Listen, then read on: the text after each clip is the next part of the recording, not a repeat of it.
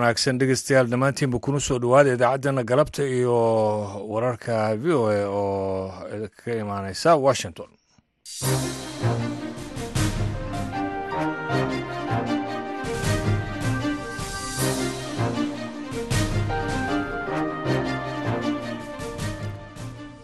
Dhegeystayaal waa galab khamiisa lix iyo tobanka bisha februari ee sanadka labada kun iyo saddex iyo labaatanka saacaduna haatan afrikada bari waa afartii galabnimo. Waxaad naga dhegeysanaysaan mawjadaha gaagaaban ee mitrband iyo boggan v o e somaali com iyo weliba efemyada magaalooyinka geeska afrika qaar. Idaacadda galabtii wararka v o e waxaa idiin soo jeedinayaa anigoo ah ibraahim xasan daanduray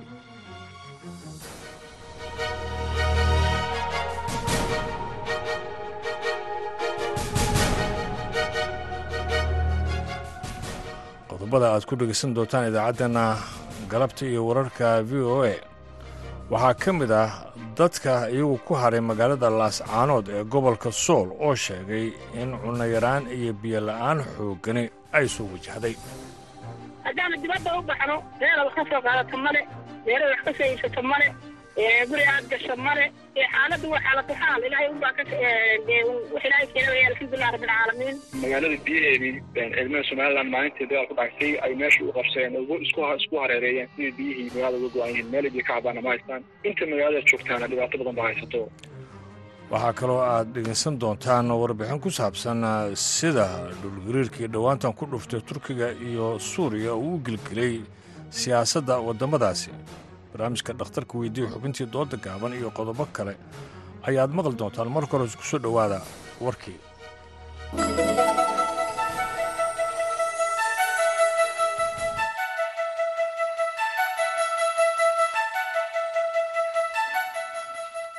Kooxda al-shabaab ayaa saaka weerar ku qaaday xerada ciidamada daraawiishta ee jubbaland iyo xoogga dalka ay ku leeyihiin deegaanka baarsanguuni ee waqooyiga magaalada kismaayo khasaaro dhimasho iyo dhaawac ah ayaa ka dhashay weerarkaasi iyadoo wararka laga helaya deegaankana ay sheegayaan in al-shabaab saacado kooban ay gacanta ay ku haysay xerada.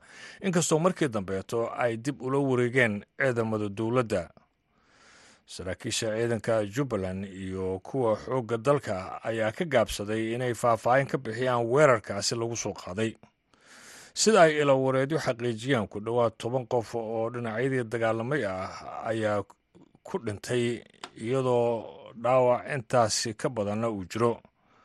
Xaaladda baarsanguune ayaa dugan iyadoo ciidamada jubbaland haatan ay ku sugan yihiin halkaasi xilli kooxda al-shabaab ay isaga baxeen weerarkaasi kadib xogeyaha guud ee nato jenes stoltenberg ayaa sheegay maanta in hadda la joogo wakhtigii la ansixi lahaa labada dal ee finland iyo sweden xubinnimadooda cusub ee isbahaysiga. Stoltenberg oo ka hadlayay shir jaraa'id oo si wada jir ah ay magaalada ankara ugu qabteen wasiirka arrimaha dibadda ee turkiga mevlud kafusulu ayaa sheegay in arrinta ugu weyne aysan ahayn in labada dal si wada jira loo ansixiyey in kaleeto balse ansixintooda ay ku dhacdo sida ugu dhaqsiyaha badan. Kafusulu ayaa waxa uu sheegay in turkiga si gooni ah uu u kala qiimeyn doono labadaasi daldalabkooda turkiga iyo hungary ayaa xubnaha ah keliya ee nato ee aan ansixin kubiiritaanka dalalkaasi finland iyo sweden. Finland iyo sweden ayaa codsaday inay ku soo biiraan nato kadib duulaankii ruushka ee ukrain sannadkii hore. Turkiga ayaa waxa uu muujiyey sida uga cagajiidayo sweden kubiiritaankeeda ee nato isagoo ku eedeeyey dowladda dalkaasi inay aada uga dabacsan tahay kooxaha turkigu uu arko inay yihiin argagixiso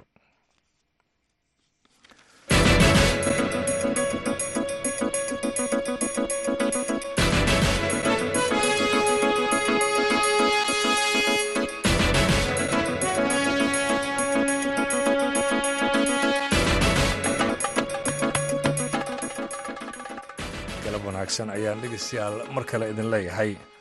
Dadka ku haray magaalada laascaanood ee gobolka suul ayaa sheegay in cunto yaraan iyo biyo la'aan xoogani ay soo wajahday guud ahaana aysan heli karin meel ay wax ka iibsadaan. Sida v o a ay u sheegeen qaar ka mida dadka ku nool magaaladaasi. Gudaha magaalada laascaanood ayaa waxaa ku hadhay qoysas kuwaas oo duruuftu ay u saamixi weyday inay ka baxaan magaalada qaar ka mida dadweynaha magaalada laascaanood iyagoo aan ka bixin ayaa v o eda la hadlay. Saare cabdilaahi jaamac waxay ka mid tahay qoysaska ku hadhay gudaha magaalada laascaanood waxay sharaxaysaa xaaladda nololeed haatan ay ku sugan yihiin. Waxaan ahay dadkii magaalada yaalay ee ku jiray waxaan ahay maxay haytoy waxaan carruur baan haystaa carruurta aan haysta waxa weeyaan dadkii magaalada gobaanka ku qabsaday baan ahay. Markii dambena waxaan ku saarana waan waayey meelaan uga baxana waan garan waayey ma laha biyo ma laha caafimaad ma laha nabadgelye ma laha. Haddii aad dibadda u baxdid waxaad ka baqaysaa inay ku qaato. Dad guriga joogtid waxaad ka baqaysaa in markax kugu dhaco ama kugu midliis kalaba kugu dhacdo. Cunta ma taalo adeeg ma yaallo bakhaar furani ma jiro biyo ma jiraan. Haddaana dibadda u baxno meela wax ka soo qaadato male meela wax ka soo iibsato male guri aad gasho male xaaladdu waa xaalatu xaal. Ilaahay unbaa ka wax ilaahay keenaya alxamdulilah rabbilcaalamiin sidaa nooga daran iyo meel waxaweye aan ku gabbanno ama fadhiisano gurigeed leeya haddaad istiraahid gal waxaad ka baqaysaa in marfax kugu dhaco. Banaanka waxaad ka baqaysaa inay kugu dhacdo. Dee meel loo baxo oo ilaahay meel noo saarmaya meel loo baxo male booshadeed wax ka soo iibsato male midaad dad cagaagsatab ka soo iibsato male midaad dad gaadsato cunto ka soo iibsato male meelaad biyo ka dhaansato male waxa weeyaan wax allaale waxdaad maanta meel istiraahid halkaasaa lagugu sheego qof kuutigoda kuyihaan halkaa bakaala baa furaara markii intii kii ka dhaadan buu guuraya lagu halkan ay ka furaya waa la dee furaana maba jirtada marka wallahi dadka meesha jooga aad iyo aad buu tacabsan yahay. Alxamdulilah rabbilcaalamiin aad iyo aad baa loo tacabsan yahay. Wallahi aad iyo aad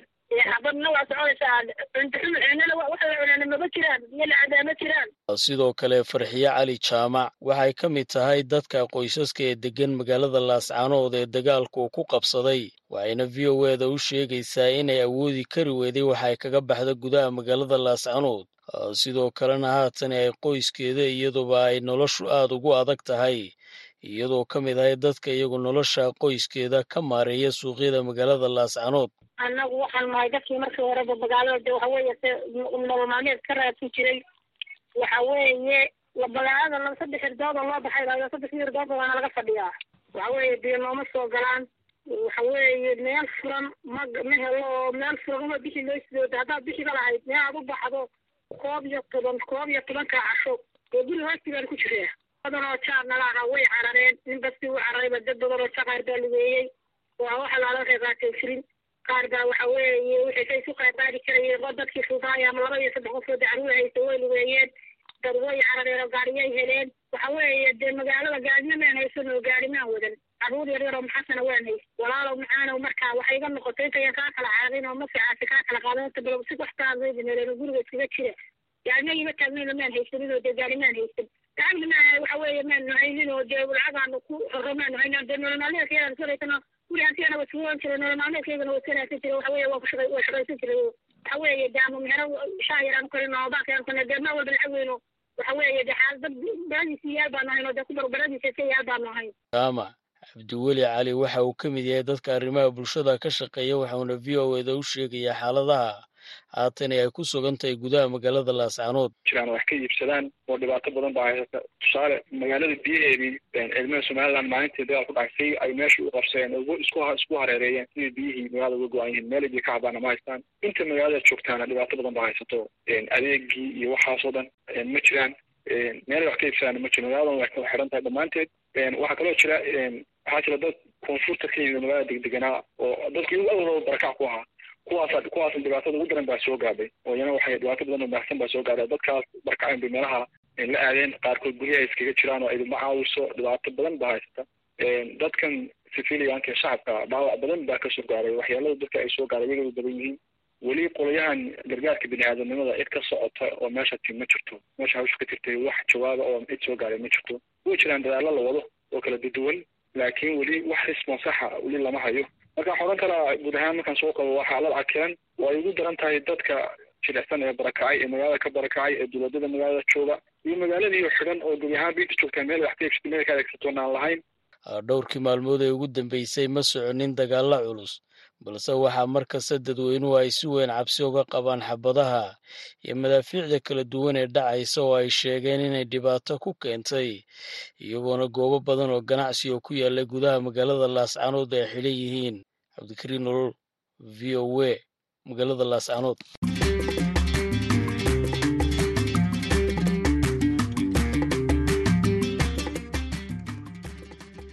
dowladda kenya ayaa shaacisay in isbedelo ay ku samayn doonto adeega caafimaadka islamarkaasina la shaqaalayn doono ilaa iyo boqol kun oo ah shaqaalaha caafimaadka bulshada iyo afar kun oo dhakhaatiir maalmaha soo socda. Kulan uu madaxweynaha dalkaasi william ruuto la qaatay hogaamiyaasha shaqaalaha caafimaadka kenya ayaa waxaa laysku afkartay in wax ka beddel lagu sameeyo fidinta adeega caafimaadka sida uu ku soo warramayo wariyaheenna maxamed faarax shire kulankan uu madaxweynaha dalkani kenya la qaatay hogaamiyaasha shaqaalaha caafimaadka dalkani kenya. Ayaa waxaa lagu jeexjeexay guud ahaan xaaladda caafimaadka dalkani. Warbixinno kala duwan oo madaxweynaha uu ka dhegaystay ururada kala duwan ee caafimaadka dalkani kenya ayaa dulucdii waxa uu madaxweynaha gartay in shaqaala kordhin lagu sameeyo guud ahaan dalkani kenya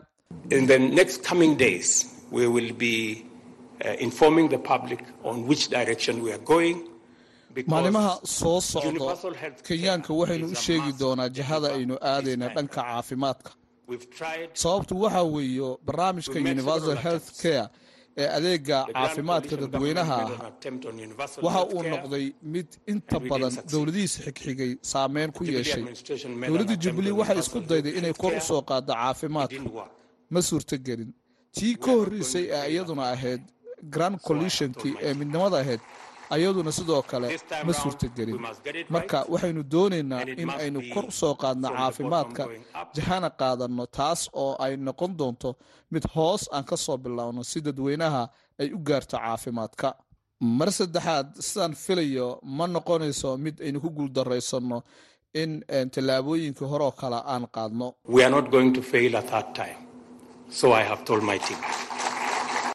madaxweynaha ayaa waxa uu sheegay in afar kun oo dhakhaatiira guud ahaan dalkani kenya laga qori doono. Sidoo kale waxa uu sheegay in boqol kun oo shaqaalaha caafimaadka dadweynaha guud ahaan dalkani kenya laga qori doono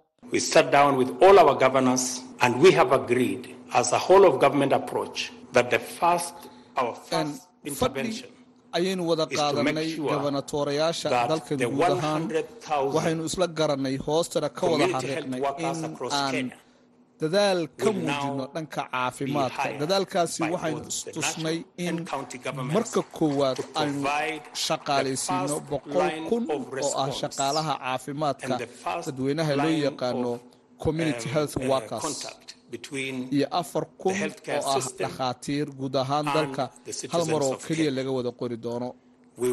Waxaan sidoo kale isku afgaranay oon ku heshiinay in aanu kor u soo qaadno tayada dhakhaatiirta iyo shaqaalaha guud ee caafimaadka guud ahaan dalka. Si aynu shaqaalaha iyaga u noqdaan kuwo taya leh aynu u helnana shaqaalo hal mar oo keliya shaqo wada qabanayo oo aanan la arki doonin koox ama gruub shaqo gaara qabanayo madaxweynaha dalkani kenya kulankaasi uu la qaatay ururada kala duwan ee shaqaalaha. Caafimaadka ayaa waxa uu ku sheegay in mar walba ay dowladdiisu ay ka gooneed in kor loo soo qaado. Dadka taagta yar caafimaadkooduna uu noqdo mid waafi a wuxuuna sheegay in adeeg bixinta caafimaadka tuulooyinka iyo deegaanada ka hooseba la geyn doono shaqaalo ku filan ruuto ayaa waxa uu sheegay in uu doonaya in shaqaalahaasi ay noqdaan kuwa si hufnaan oo ugu shaqeeyo tababarana la siin doono. Dadweynaha dalkani kenyana ay noqdaan kuwa caafimaadka ka faa'iidaysta adeeg bixinta. Inta badan dowladdu ay ugu magac dartay mid bilaasha kharashaad yarna laga qaada micnaha weeye dadka bukaanada ah ee inta badan isbitaalada dowladda aado. Maxamed faarax shire v o a garisa haatana dhegeystayaal waxaad ku soo dhawaataan barnaamijka bandhiga v o a oo ku saabsan doorka haweenka ee ka qaybgalka wax soo saarka dhinaca kheyraadka badda. Saxaare cabdi axmed waatan.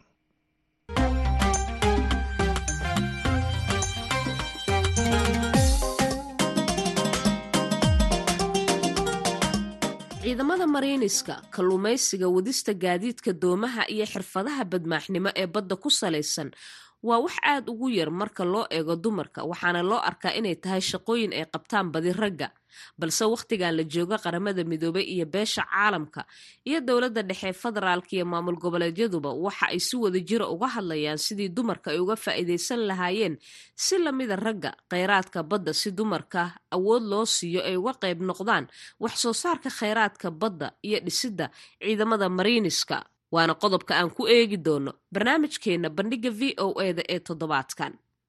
Inkastoo awoodda dowladda federaalk soomaaliya ay ku ilaalin karto kheyraadkeeda badeed ee dalka uu yahay mid iska xadidan wakhtigan marka loo eego awood la'aanta agab iyo sidoo kaleeto tababarada aanan jirin ee ciidamada ilaalada badda soomaaliya haddana waxaa beesha caalamku ay kala xaajoonaysaa dowladda dhexe ee federaalka iyo bulshada rayidkaba sidii dumarka loo siin lahaa awood xirfadeed oo ay uga mid noqon karaan ayaa la yiri mariiniska dalka amaba ay u yeelan lahaayeen awood ay uga faa'iidaystaan kheyraadka soomaaliya wakhtigan ee loogu magacdaray dhaqaalaha buluugga ah shir ka qabsoomay magaalada muqdisho ra'iisul wasaare ku-xigeenka soomaaliya.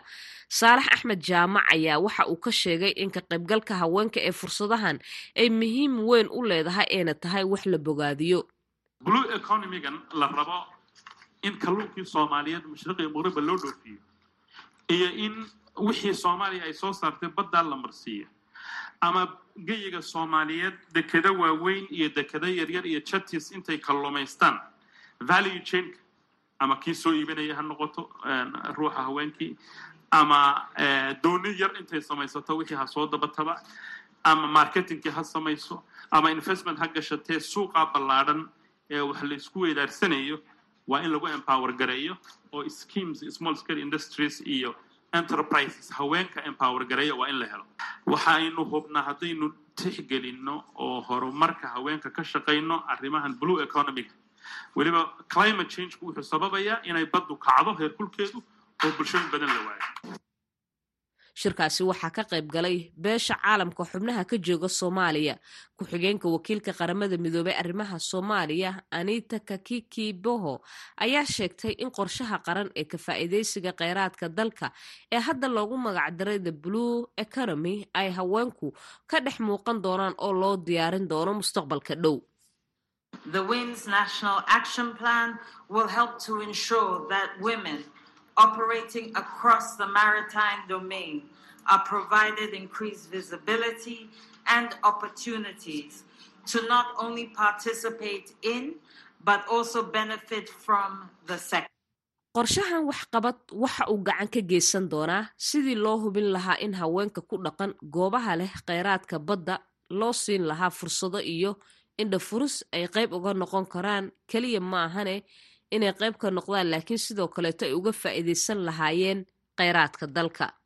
Shirka waxaa joogay ururada bulshada rayidka wasiirka haweenka dowladda federaalk soomaaliya iyo kuwa maamul goboleedyada iyo madaxda hoggaanka haweenka qaran ee soomaaliya. Khadiijo maxamed diiriye oo iyadu ah wasiirka haweenka iyo xuquuqul insaanka oo kulankaasi goobjoog ahayd ayaan weydiiyey. Waxyaabaha kulankaasi looga hadlay iyo xilliga la diyaarinayay.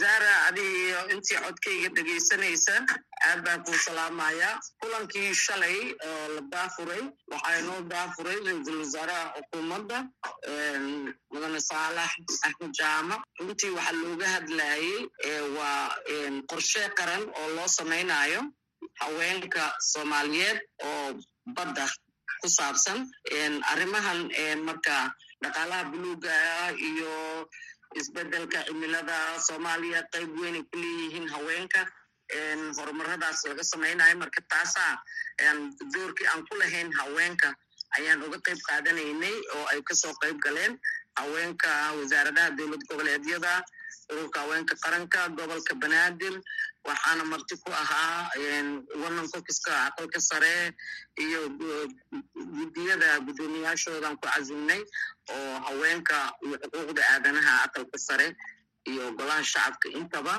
Marka waa door muhiim ah ku soo noqoshada haweenka doorkooda inay ka qaataan.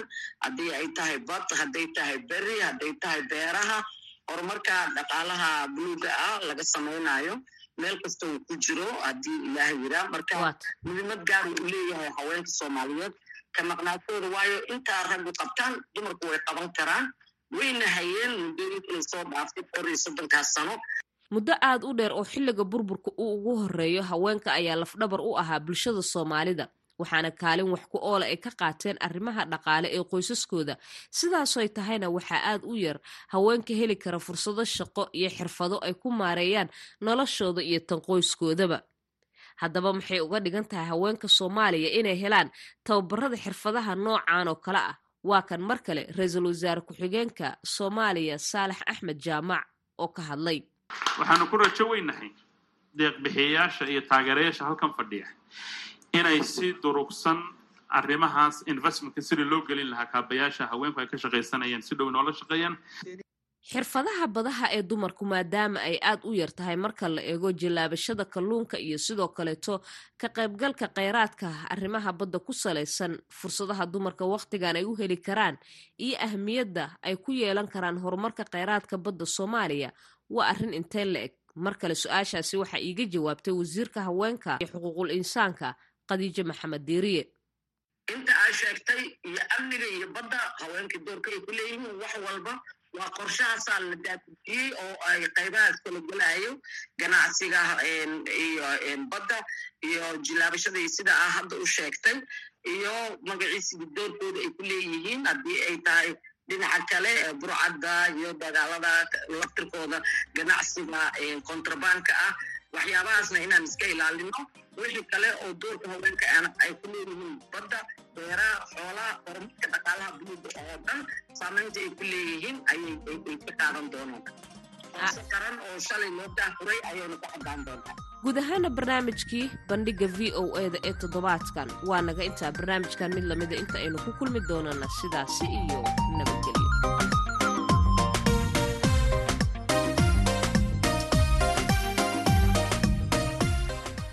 mahadsan saare cabdixmed ayaa soo jeedinaysay barnaamijkaasi halkaad weli nagala socotaan dhegeystayaal waa washington.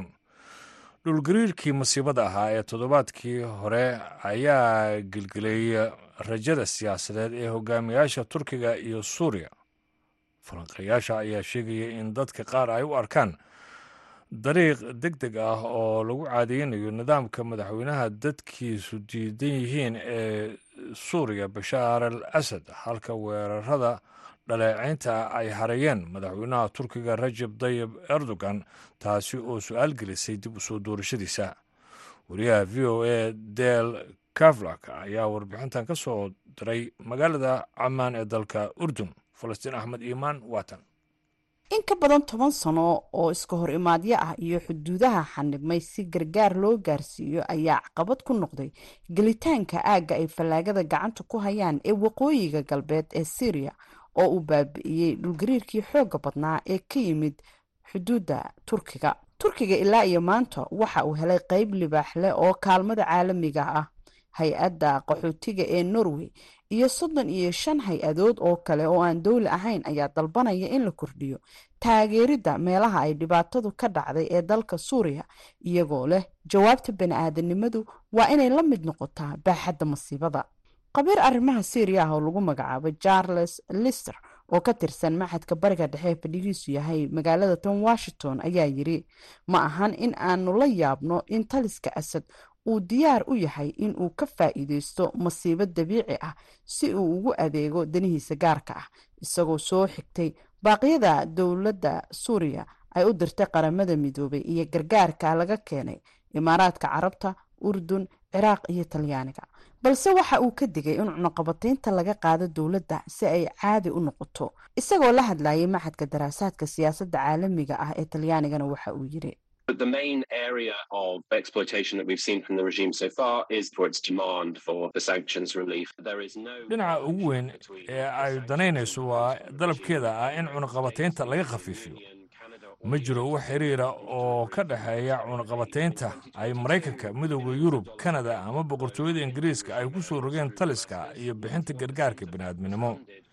Sanadkii labada kun laba iyo labaatankii balaayiin dollar oo gargaar ah oo ku qulqulayay deegaanada maamulka dimashik sagaashan iyo kow boqolkii oo ka mid ah gargaarkaasi waxaa maalgeliyey afar hay'adood oo ka soo jeeda waddamada cunaqabateynta saaray. Lester waxau intaasii ku daray waxay u badan tahay in aanu u muuqanno in aanu ku soconno wadiiqo deg deg ka dhigaysa caadiyeynta taliska syriya laakiin wax badan oo ka mid ah waxa ay ku xirnaan doonaan sida uu talisku uga jawaabo. Haddii ay tahay mid madax adeyg ku dhisan ama mid macquul ah marka ay ka hadlayso codsiyada gargaarka dheeraadka ah iyo sida ay ula macaamilayso dowladaha sii wada cadaadiska dhanka kalena falanqeeyayaasha ayaa sheegay in madaxweynaha turkiga rajib dayib erdogan uu la kulmay dhaleecayn ku aadan falcelinta dowladdiisa ee dhulgariirka iyadoo tirada dhimashada ay kor u kacday koonfur galbeed dalkaasi ayna saameynayso fursadda uu dib ugu soo laaban karo doorashada. Dorotii shamit waxay madax ka tahay barnaamijka turkiga iyo bariga dhexe ee maxadka faransiiska ee xiriirka caalamiga ee baris Erdogan was already in a slightly delicate situation because he has not always been leading the erdogan mar horeba waxa uu ku jiray xaalad yara nugul sababtoo ah mar walba kuma hogaaminaynin doorashooyinkii sannadkii hore. Qof kastaahi waxau isweydiinayaa in taageerada xisbiga ay dhaawacayso jawaabta adag ee dhulgariirka runtii xisbigu wuxuu safka hore kaga jiraa sidii uu uga hortegi lahaa carada isa soo taraysa ee dadka deegaanka shamid waxay intaasi ku dartay in ay jirto dood ah in dowladda erdogan ay gebi ahaanba aanay awoodin inay la tacaasho xaaladda ama haddii ay dowlad kastaahi ay si buuxda u caawin doonto marka la eego baaxadda dhulgariirka. Warbixintii uu deel gavla ka soo diray magaalada camaan ee dalka urdun waxaa soo jeedinaysa falastiin axmed iimaan galmudug waxa ay sheegtay in ay dileen ilaa iyo shan iyo konton xubnood oo ka tirsan ururka al-shabaab kadib dagaal culus oo ka dhacay deegaanka qaycad sida uu v o eda u sheegay guddoomiye ku-xigeenka wisil cabdigaraad cumar maxamed. Wariyaha v o a cabdiwaaxid macalin isaaq ayaa warbixinta nooga soo diray gaalkacyo dagaalka oo ka dhacay deegaano hoostaga bacadweyne ee gobolka mudug ayaa u dhexeeya ciidamada dowladda soomaaliya daraawiishta dowlad goboleedka galmudug iyo dadka deegaanka oo isgarabsanaya. Waxaana dagaalka uu sababay khasaare dhimasho iyo dhaawac kala gaaray dhinacyadii dagaalamay. Inkastoo deegaanka qaycad horey looga saaray maleeshiyada al-shabaab haddana mar kale ayay ciidamada wadajira ay dagaal kaga saareen waxaana dagaalkii ka dhacay deegaanka qaycad uu ahaa mid aada u xoogan guddoomiye ku-xigeenka degmada wisiil ee dowlad goboleedka galmudug cabdigaraad cumar maxamed oo v o a la hadlay ayaa uga warbixiyey dagaalkii ka dhacay qaycad iyo khasaaraha uu geystay. Waan dhowahay cabdiwaaxid dagaalkan wuxuu ka dhacay fariisimo ay ku leeyihiin kooxda khawaarijta ah ee al-shabaab deegaanka lagu magacaabo qaycad ciidamada dowladda iyo ciidamada daraawiishta galmudug iyo dadka deegaanka ayaa ku qaaday weerar dhowr jahaa ah. Alxamdulilah guul ayaana laga gaaray dagaalkaas qaycad ciidamadiina ay ku qaadeen bal khasaaraha uu geystay? Khawaarijta wuxuu geystay khasaaro aada iyo aada fara badan ilaa konton iyo shan dageer qabayaal ah oo ay ku jiraan joogayaal ayaa looga dilay. Sidoo kale waxaa laga furtay qoryo hub aada u badan oo beekaamyo iyo sadan iyo ake sidaas la mid ah waxaa goobihiina waa laga saaray oo waa laga guuleystay. Alxamdulilah haddana ciidamadeena ayaa ku sugan. Alxamdulilah annakana ka mid a askartii iyo dadkii deegaanka ayaa ku shahiiday. Tirada khasaaraha dhankiina adaad inoo sheegtay waa ninkii khasaare nama gaarin ba dee ninkii ku shahiidaan hadde asagaa khayr helay khasaarana lama dhigi karo. Waa waxaa naga shahiiday afar ka mid ah askarta iyo dadkii deegaanka intaba ah. Afartaas qofood ayaa naga shahiiday alxamdulilahi haddana goobihii annaka ayaa ku sugan. Maalka hub iyo saanad intaba waa laga qiimaystay meedkoodana annaka ayaa hadda dul joognaa. Sawiro lagu baahiyey baraha bulshada ayaa muujinayay qaar ka mid meydadkii al-shabaab oo si aan habboonayn loo gelayo waxaana guddoomiye ku-xigeenka wisiil uu sheegay in dad caraysan ay sidaasi u galeen. Walow waxyaalihii ku dhacayay ama xirka uga imaan yimid ama dhulka ay ciidamadana ku rideen ayaa horta saas u jarjaray jiritaankuna haddee macnaha dad wax lagu talagalay ama saas loo jiidjiidaya ma ahayne dad iska ciil qabo oo iska ciirala iska jiidjiiday haddana wax jiitaana iyo wax kale looma geysano sawiro un baa laga qaaday. Qaycad sanadii laba kun iyo kow iyo labaatankii dagaal ka dhacay hore ayaa looga qabsaday maleeshiyada al-shabaab mar kale ayaa hadda ciidamadiina dib u qabsadeen maxay tahay qorshihiina qorshaheenu waa qorshaha ka jira soomaaliya oo dhan hadda cimiladii laba kun iyo iyo labaatankii jirtay cimilada maanta jirtaana labay ku kala duwan tahay. Waagaas kacdoon annaka keliya lahaa laakiin hadda soomaaliya oo dhan ayaa dawladda hadday tahay hadday shacab tahay intaba qolada dheerfayaasha ah qorshahooda ayaa la fahmo oo cid kasta ayaa duulaan hadda meel kasta uga qaaday. Qorshihii hore iyo qorshahan uu kala bedelan yahay. Haddana annaka insha allah haddii ilaahay qadaro waxaan rajeynaynaa inaan soomaaliya oo dhan kaxidho tiri doono haddii ilahay qadaro deegaanka qaycad oo sannadkii laba kun iyo kow iyo labaatan laga saaray maleeshiyada al-shabaab kadib dagaal xoogan oo halkaa ka dhacay waxaa mar kale ciidamada wadajiro u suurto gashay in maleeshiyada al-shabaab ay ka saaraan deegaanka qaycad ee gobolka mudug. Cabdiwaaxid macalin isxaaq v o a hobyo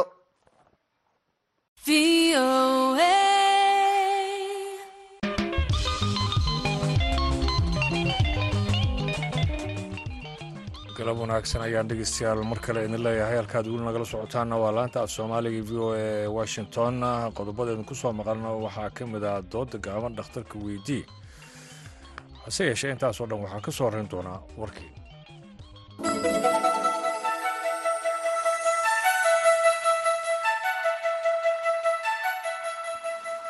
Kooxda al-shabaab ayaa saaka weerar ku qaaday xerada ciidamada daraawiishta ee jubbaland xoogga dalka ay ku leeyihiin deegaanka baarsanguuni ee waqooyiga magaalada kismaayo khasaare dhimasho iyo dhaawaca ayaa ka dhashay weerarkaasi iyadoo wararka laga helayo deegaanka ay sheegayaan in al-shabaab saacado kooban ay gacanta ay ku hayeen xerada. Inkastoo markii dambeeto ay dib ula wareegeen ciidamada dowladda saraakiisha ciidanka jubbaland iyo kuwa xoogga dalka ayaa ka gaabsaday inay faahfaahin ka bixiyaan weerarkaasi lagu soo qaaday. Sida ay ilawareedyo xaqiijiyeen ku dhowaad toban qof oo dhinacyadii dagaalamaya ayaa ku dhintay weerarkaasi iyadoo dhaawacan uu intaasi ka badan yahay. Xaaladda baarsanguuna ayaa degan iyadoo ciidamada jubbaland haatan ay ku sugan yihiin halkaasi xilli kooxda al-shabaab ay isaga baxeen ugu yaraan toddobaatan iyo saddex tahriibayaal ah ayaa la sheegay in la la-yahay waxaana loo malaynayaa inay dhinteen kadib markii ay dooni kula degtay xeebaha libiya sida lagu qoray twitter-ka hay'adda socdaalka adduunka ee i o m.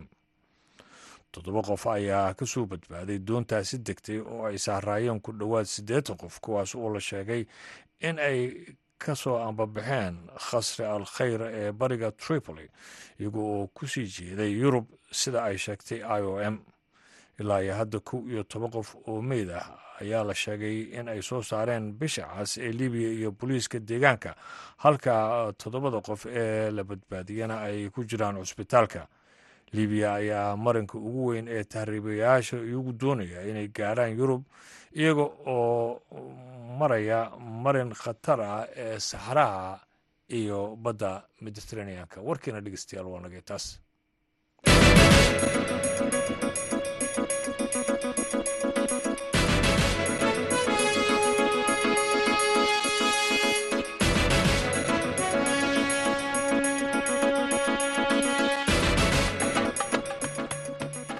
markana dhegeystayaal waxa aad ku soo dhowaataan xubinta doodda gaaban. Waxaa soo jeedinaya xuseen xasan dhaqane.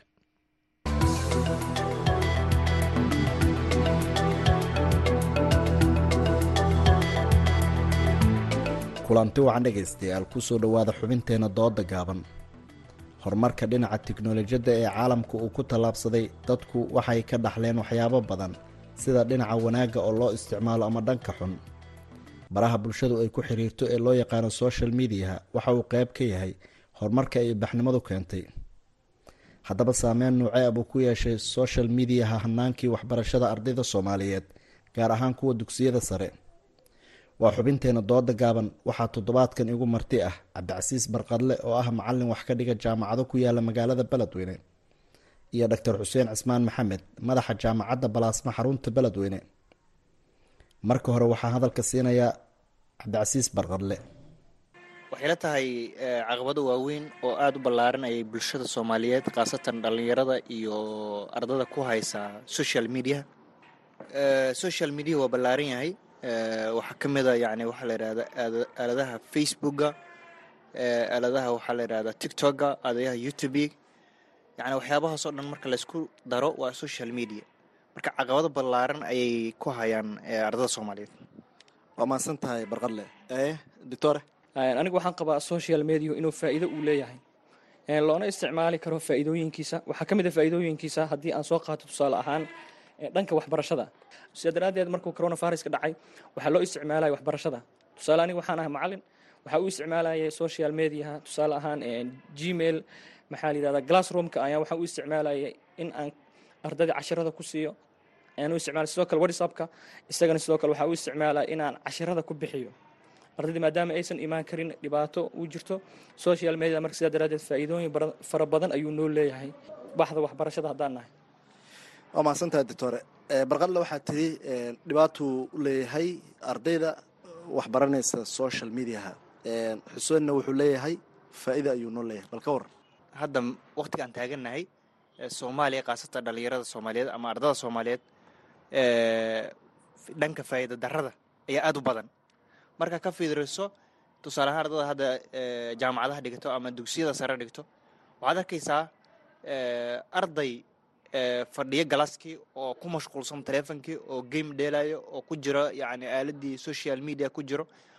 Aan yani la soconba casharadii iyo yani waxa la yidhaahdo macalinkii marka taas waxay saameyn ku yeelanaysaa arday waxbarashadiisa inuu yani uu dhib ku keeno. Gameka soomaaliya qof la joogo wuu la dhiili karaa. Wuxuu la dhiili karaa qof banaanka ka baxsan soomaaliya oo meelaha kale yani ama qaaradaha kale joogo. Marka asigoo yani galaaska ku jiro ayuu qof banaanka la dheelaya. Yani jawi kale la haysto oo iska qoslaya ayaad marka qaarkeed arkaysaa. Cashirkiina wuu dhaafay. Doctor xuseen xuseeno waxaan aniga aaminsanaha mar weliba wuu jiraa ardada mar weliba wuu jiraa arday muxuu ahaa maxaa la macalinkay ku xiran tahay si uu iskaga celiya ardayga. Laakiin mar weliba wuu jiraa arday teleefon ku ciyaaro laakiin aniga waxaan qabaa mar weliba social mediaha iyo inuu yahay mid faa'iido u leh haddaan nahay bahda waxbarashadii. Waxyaabo badan uu leeyahay. Hal dhinac yaanan ka fiirinin. Waxyaaba fara badan leeyahay social media. Waxaa ka mid a in loo isticmaalo muxuu ahaa video inta loo soo duubo ardadii youtube-ki loo soo dhigo isagoo dhanka waxbarashada isagoo ku saabsan. Tusaale ahaan waxaa kaloo jiri kara muxuu ahaa aaladaha loo isticmaala. Waxaa ka mid a anigan kula hadlaya hadda waxaa isticmaalay muxuu ahaa maxaa leedaha maantadan oo maantadan ugu sakayso waxaan isticmaalay. La ii soo diray sawirro whatsappka la igu soo diray. Qof bukaan ah joogo meel magaalada beledweyne ka baxsan si aan u caawiyo. Marka sidaa daraaddeed waxaan filayaa inuu leeyahay faa'iido badan yahay. Faa'iidadiisa ay tahay muxuu ahaa maxaa yidhaha social mediaha. Mid faa'iido u lah bulshada iyo muxuu ahaa waxba ardadii labadaba. Barqadle maxaa la dhihi karaa natiijada imtixaanaadka ay galaan ardayda saameynta uu ku yeeshay? Marka la yidhaahdo baasida iyo dhacitaanka aada umahadsan tahay xuseen xasan dhaqare. Waxaan filaa hadda sana dugsiyeedkii ugu dambeeyey ardada dhacday oo imtixaanka secondary ku dhacday toddoba kun ayay kor u dhaafayeen. Markii la weydiiyey bahda waxbarashada waxay ku saleeyeen inay yani wax la social media oo ay qayb ka ahay oo caqabada ugu weyn oo haystay ayay ahayd. Inkastoo caqabado kale iska jireen oo aan la dafiri karin laakiin yani aaday yani ugu badan tahay caqabada social media kala kulmaan. Weliba si aada ay waayahan u soo badanaysay ardadu inay isticmaalaan aaladda la yidhahdo tiktok oo muuqaal soddon ilbiriqsi intuu qofku iska duuba ah yani maanta oo dhan yani waxa la yidhaha youtube tiktoka ku jiro. Sidoo kale youtube-ka ay ka daawanayaan yani waxyaabo kala duwan sidoo kale yani waxa la yidhaha gameska waxyaabahaas oo dhan marka laysku daro caqabaday ku yihiin ardada soomaaliyeed weliba ardada dugsiyada sare dhigto. Natiijada itixaamka aaday u hooseeyaan numberka oo waxaan dhihi karnaa aaday u hooseeyaan aad weliba oo oo dheer. Doctor waa maqlaysaa xuseen xasan dhaqan aad iyo aada umahadsan tahay horta sidaan ogsoonahay xilli aan la isticmaali jirin social mediaha waxaan jirta in arday badan ay dhici jirta taasna ma keenaysa in muxuu ahaa social mediaha uu xun yahay. Marka aniga waxaan qabaa fikriyanka xuseen ahaan doctor xuseen ahaan social mediahu inuu aada u wanaagsan yahay lagana faa'iidaysan karo. Qofku muxuu ah uu uga faa'iidaysan karo dhanka wanaagga dhanka waxbarashada. Tusaale haddaan u soo qaato aniga ka doctor xuseen ahaan hadda waxaa dhigtaa master waxaan ka dhigtaa jaamacadda k i u university ama kismode international university. Waxaa ii suurtageliyey waxay ku taalaa dibadda waxaa ii suurtageliyey marka social mediahii oo cashirka waxaa la ii soo dhigaa muxuu ahaa maxaa la yihahdaa gmail classroomkii halkaas oo aan cashirada ka qaato. Marka waa arkaysaa faa'iidada uu leeyahay. Tusaale anigaa iska soo qaaday ka xuseen ahaan master waxaan ku dhigtaa online ah taasa marka dhihin karaa. Laakiin ta kale midda ah ardada natiijadeeda kuma xirno. Ardaygii waxaan kula talin lahaa bahda waxbarashada. Ardada muxuu ahaa dhanka wanaagga inay u isticmaalaan social media inay kula taliyaan. Markaan ka fiirino caqabadaha hadda haysto dhallinyarada soomaaliyeed khaasatan ardada aaday u ballaaran yihiin. Weliba social media in yacni waxaa la yidhahda macallimiintii iyo ayagii ardaday isku dhiban yihiin ayaa yacni waxaa la yidhahda soo badanayso. Macallinku intuu glass managementiga samaynayo intuu lessonka ama casharka jeedinayo waxa badan intuu glass managementiga samaynayo ama uu fasalkii ardadii ku mashquulsan yahay. Marka dee in ardaygii xiisadii uu macallinka ku mashquulo iyo inuu xiisada bixiyo yani labada iskuma keeni karo. Marka waxaan dhihi lahay faa'iidada uu faa'iida darrada uu nagu hayo aaday u ballaaran tahay social media. Xuseen waxaa la leeyahay dhibaata waxaa isku qabo ardaydii iyo macalimiintii liajli social media. Wallahi waxaan qabaa horta macalinku macalimiinta waxaan jeclaan lahaa in la siiyo tababar dhanka muxuu ah social mediahii social media sababtoo isagu wuxuu leeyahay faa'iido fara badan. Waxaa laga helaa muxuu ahaa wax weliba casharadiyaa meesha ku jiro information assignmentii ardayga marka loo diro xataa xagga uu raadsanayo waa muxuu ah social mediahii xaggii oo internetka u raadsanaa. Waxaa kaloo ka mid researchka. Qofka markii uu rabo researchka researchka waxaa la soo dhigaa muxuu ahaa maxaa la yidhahdaa meelahaas social media laga helaa. Tusaale haddii aan kuusoo qaato waxaa ka mid a shaqooyinkii waxaa ka mid a shaqooyinkii. Shaqadii tusaale waxaan ognahay in awal derbiyada lagu soo dheji jiray. Laakiin hadda shaqadii waxay dhex taallaa social media dhex taallaa iyadoo muxuu ahaa maxaa la yidhahdaa halkaas aad ka helaysid si fudud. Sidoo kale scholarshipskii waxaa la soo dhiga halkaas halkaasaa ka apply garaynaysaa si fudud. Marka waxaan qabaa aniga faa'iidadiisa inay badan tahay. Natiijada midda natiijada imtixaankana way keeni kartaa laakiin aniga waxaan dhihi lahaa waxaa badan faa'iidadiisa. Mar weliba waa jiraysaa laakiin mar weliba waxaa badan aniga faa'iidadiisaan qabaa taas. Barqadle waa maqlaysaa doctor xuseen wuxuu leeyahay faa'iido badanaa jirto. Maxay tahay markaade waxa kuu muuqda horta dee horaan buu sheegaba aniga faa'iida way jirtaa laakiin anaga markaan hadda noo soomaali ahaan marka loo fiiriyo weliba khaasatan ardada soomaaliyeed marka loo fiiriyo dhanka faa'iida darrada noo badan. Waa sheegay yacni ardada soomaaliyeed waxay ku mashquulsan yihiin inay games dheelaan inay tiktok isticmaalaan inay facebook isticmaalaan inay ku mashquulsan yihiin. Dad waxbarashada uga haray oo yacni waxaa la yidhaahdo number aad u badanaa jiro oo waxbarashada uga haray oo yacni aan soo xaadirin. Waa dhigta ku dhaha waxbarashadii waxaa laga yaabaa isbuuci hal mar inuu imaado.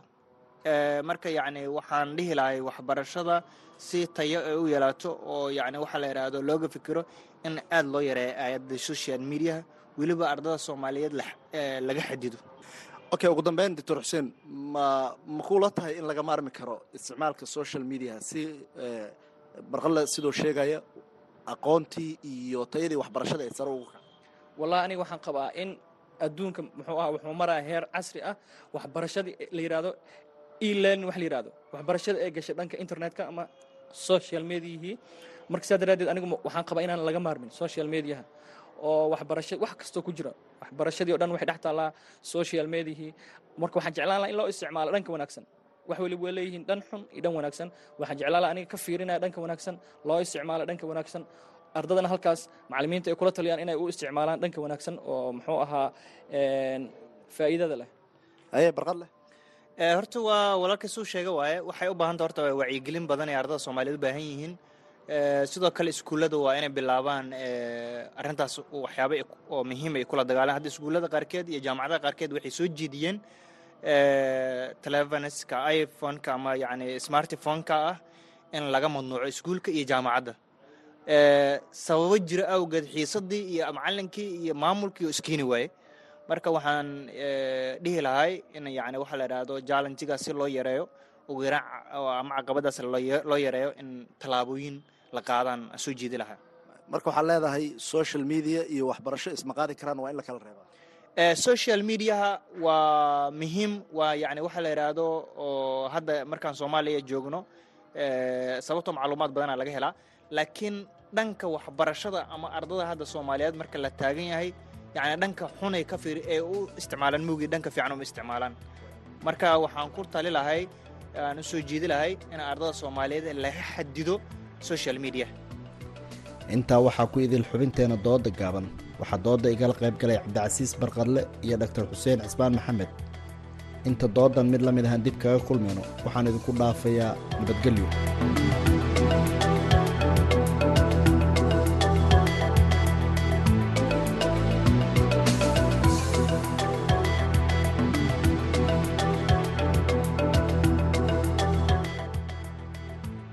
xuseen xasan dhaqane ayaana soo jeedinaya xubintaasi dooda gaaban. Haatana dhegeystayaal waxaad ku soo dhowaataan xubintii ciyaaraha. Waxaa soo jeedinaya maxamuud mascade.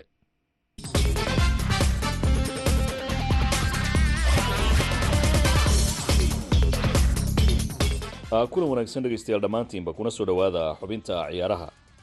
Kooxaha kubadda cagta ee manchester city iyo arsenaal oo habeenkii xalay ahaa kulan xiiso badan uu dhex maray falanqayn ku saabsan ayaan barnaamijka ku soo qaadan doonaa laakiin marka hore aan ku hormaro horyaalka qaarada yurub ee champions league oo xalay laba kulan fowda laysku daray. Kooxda kubadda cagta ee brusia dortman ayaa dhulka ku jiiday kooxda kubadda cagta ee chelsea. Kulan ka dhacay guriga brusia waxaana halkaasi ay hal gool iyo waxba guushu ku raacday kooxda kubadda cagta ee brusia dortman chelsea oo xil ciyaareedkan lacag aad u fara badan qarash garaysay ayaan ila ay hadda lacagtaasi ka muuqanin oo iyadu dibir iyo guul darro ka kicila sidaasina waxaa lugtii koowaad ee ciyaaraha wareegga lix iyo tobanka ee champions leaga lagaga soo qaatay habeenkii xalay ahaa hal guul. Waxaana laysugu soo noqon doonaa guriga kooxda kubadda cagta ee chelsea. Kooxda kubadda cagta ee glab ruuj ayaa gurigeeda lagu dharbaaxay oo banfica ayaa laba gool iyo waxba kaga adkaatay. Dhinaca iyo waddanka ingiriiska habeenkii xalay ahaa kulan xiiso badan oo taageerayaasha ciyaaraha kubadda cagta khaasatan kuwa horyaalka waddanka ingiriisku isha ku hayeen waxa ay dhex martay kooxaha kubadda cagta ee arsenaal iyo manchester city. Kooxda arsenaal ayaa hogaanka horyaalka saddex dhibcood ku haysay halka manchester city oo kalinta labaad ku jirtana ay doonaysay inay dhibcahaasi arsenaal ka faramaroojiso ciyaar xiise badan ayay labada kooxood soo bandhigeen. Qaybtii hore ciyaarta kooxda kubadda cagta ee arsenaal ayaa gacan sarraysay inta badan laakiin kooxda kubadda cagta ee manchester city waxay u muuqatay koox ku soo tala gashay inaan dhinaceeda dhulka la dhigin. Gool ayay la hormartay.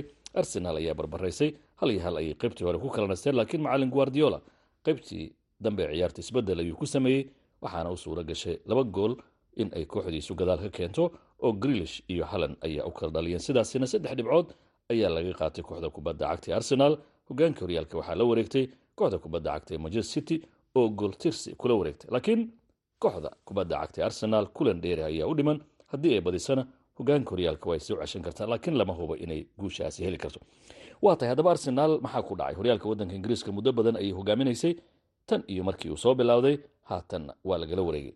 Cabdifatax shabalaala ayaa ila falanqeynaya. Shabalaala soo dhowow arsenaal maxaa ku dhacay?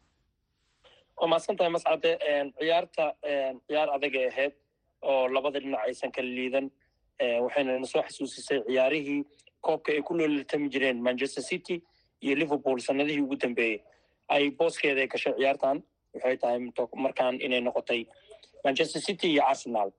Marka ciyaar aad adag ayaa laisla foodadaray marka markaa labada dhinac ka fiirisidna labada kooxba isku tatic inay ahaayeen. Oo ah qaabkan cusub ee labadan beri ay ku ciyaaraan. Oo ciyaartooyga lamber trigo marna dhexda tagaaya markay kubadda wato. Markuu kubadda wadana triga imaanayo waa garta. Shabalaala laakiin arsenal gurigeeda ku ciyaaraysay weli lagama guuleysanin oo weli gurigeeda loogama adkaan horyaalka waddanka ingiriiska maxaa u suura geliyey manchester city inay arsenal ka guuleysato kana kormarto? Runtii horta horyaal markaa wajahaya sida soddon iyo sideed game waxyaabaha ugu badan ee la fiiriyo waxa waaye sideen dhibco badan ku helaa. Ma ahan wax ambiitan la ilaashado ama gurigeyga la igama badin horyaalkii waxaas aad looma fiiriyo. Laakiin hadda markaa aragtid ciyaartii ugu miisaanka culiseed arsenal waxay ahayd kooxda ugu fiican liiga ilaa iyo xad ilaa iyo kalabar wixii ka dambeeyey marka maysan wajihin man city mar walbaba calaam su'aalkaas waa jiray oo ah manchester city markay wajahdo arsenal qaabkay u dheelisaa. Manchester city hadday ka badaysana waxaa loo qari lahaa inay team of the season tahay. Inkastoo koobkii wakti badan ka dhiman yahay laakiin ciyaar tijaabo aad u adag ay ahayd. Ciyaartan arsenal ay maraysay marka waxaan dhihi karaa waa looga badiyey game of giants waa looga badiyey waxayna ku dhacday in manchester city ciyaartii laga filayay may soo bandhigin manchester city. Arsenal aad u ciyaar fiicneed kubaddeedan aaday isku haysatay. Open playga ama ciyaarta furan ee la ciyaaraya arsenal ku fiicneed. Laakiin manchester city khaladaadka arsenal ayay ku karbaashtay. Meesha khaladaadka cityna ay arsenal qaadan weyse waa tahay. Labadii kooxood ee horyaalka ugu awoodda roonaa xilli ciyaareedkan waxaa ka soo baxday in arsenal laga adkaaday oo hogaanka horyaalka gooltirsi haatan ee manchester city ee ku sarreyso kulamo dhowra ayaa weli horyaalka ka dhiman. Maxaa laga bartay kulankan? Yaad isleedahay hogaanka horyaalka way sii haysan kartaa ama xilli ciyaareedkan koobka way ku guuleysan kartaa? Runtii city maadaama ay gadaal ka soo dagaalantay oo sideed dhibcood tagtay haddana dhibcii isleegyihiin hadday ugu badatana saddex dhibcood ay tegeyso city koobkan hore u qaadaysay awooddeeda taagan tahay halan u joogo. Mar walbaba citya favorite kala siinaya ugu cadcad la leeyahay haddana arsenal waa laga badiyey horyaal loogama haro. Horyaalka mascado waa kaa badiye ma aha waa kaa koreeyaa waayo horyaal champions league waa kaa badiye waa lagu dhihi karaa waa haraysaa laakiin horyaalka anoo kaa badiyaa iga kormari kartaa. Marka still arsenal chance haystaa laakiin su'aasha ay weydiisay waayo oo ugu muhiimsan arsenal dib ma u soo kaban doontaa? Kadib saddex kulan oo aysan guul ka hadan marka falanqeeyaasha dhan waxay isweydiinayaan man city ma ahane waa arsenal sida ay waddadii guulasha ugu soo laaban su'aasha ugu adag waa taas. Marka man city marka xagga laska dhigo arsenal waxaa laga rabaa inay ka jawaabto guuldarooyinkaas daba yaallo oo waddadii guusha ku soo laaban waa hadday koob ku tartamayso. Haddii kale haddii guuldarada ay ku sii socoto ama barbardhacyaasha ay iska soo dabagashay ay ku sii socdaan waxay noqonaysaa arsenalteeda caadigeeda ku soo laabanaysaa waxayna ku dagaalamaysaa lambar labadeeda oo u dhigantay inay top four gelayso waa tahay shabalaal aad baad u mahadsan tahay kulamada soo socda oo aston villa iyo lester ay guryahooda kula soo ciyaarayso ayaa la ogaan doonaa awoodda arsenal waxaana inta badan muuqadaysa ciyaaryahan baarte oo kooxda ka dhaawacmay inay arsenal weli aad u tabayso. Arsenal oo xidigahoodu ay kooban yihiin dad badan waxay rumaysan yihiin inay ku adkaan doonto in horyaalka waddanka ay xilli ciyaareedka ku guulaysato. La arki doonay haddaba halka ay sheekadu ku dambayso shabalaale aad baad mar kale dhegaystayaal xubinta ciyaarahan inta ayaan ku soo gabagabeynaa tani kulan dambe waa mascad dowladina sidaa iyo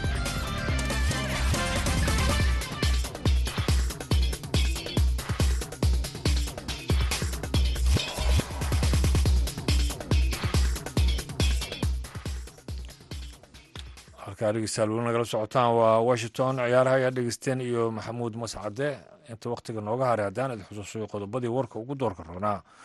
Kooxda al-shabaab ayaa saaka weerar ku qaaday xerada ciidamada daraawiishta ee jubbaland iyo xoogga dalka ay ku leeyihiin deegaanka baarsanguuni ee waqooyiga magaalada kismaayo.